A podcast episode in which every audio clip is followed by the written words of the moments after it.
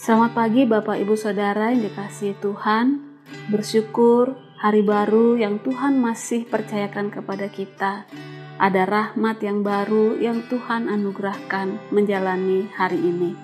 Firman Tuhan Mazmur 34 ayat 1 hingga yang ke-6.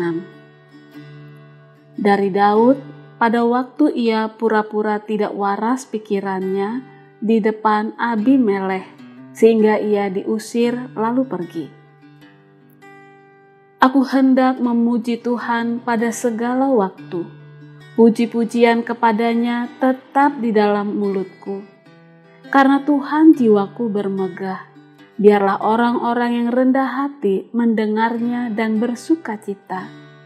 Muliakanlah Tuhan bersama-sama dengan aku. Marilah kita bersama-sama memasyurkan namanya. Aku hendak mencari Tuhan. Lalu ia menjawab aku dan melepaskan aku dari segala kegentaranku. Tujukanlah pandanganmu kepadanya, maka mukamu akan berseri-seri dan tidak akan malu tersipu-sipu.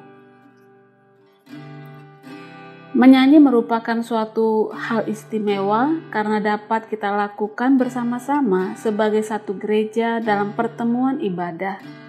Firman Allah dibawakan oleh seorang pengkhotbah, doa pun biasanya dipimpin oleh satu orang. Namun, menyanyi dapat dilakukan seluruh jemaat berbarengan.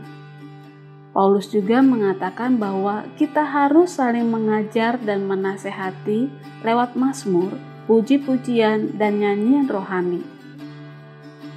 Keterangan pada awal Mazmur 34 memberitahukan bahwa Daud menyusun Mazmur ini setelah ia berpura-pura gila sehingga lolos dari orang Filistin. Kisahnya ada dalam 1 Samuel 21 ayat 10 hingga pasal 22. Saat melarikan diri dari Saul, Daud berlindung di salah satu kota Filistin dan berpura-pura kurang waras agar mereka tak membunuhnya. Kecerdikan itu berhasil, tetapi Daud mengakui bahwa sebenarnya Allah lah yang telah melepaskannya. Kita pun tentu pernah mengalami pertolongan Tuhan. Jadi, Daud mengajak kita untuk bermasmur bersamanya muliakanlah Tuhan bersama-sama dengan aku. Alangkah besarnya sukacita dalam keyakinan bahwa Tuhan membebaskan jiwa hamba-hambanya. Inilah tema utama dari Mazmur 34. Mazmur juga amat penting bagi para penulis perjanjian baru. Hal ini tampak dari banyaknya kutipan Mazmur dalam tulisan mereka. Salah satunya Petrus Mengutip Mazmur 34 ini ayat 9, kecaplah dan lihatlah betapa baiknya Tuhan itu. Ia mengingatkan kita bahwa keselamatan telah kita terima melalui firman Allah yang diberitakan kepada kita.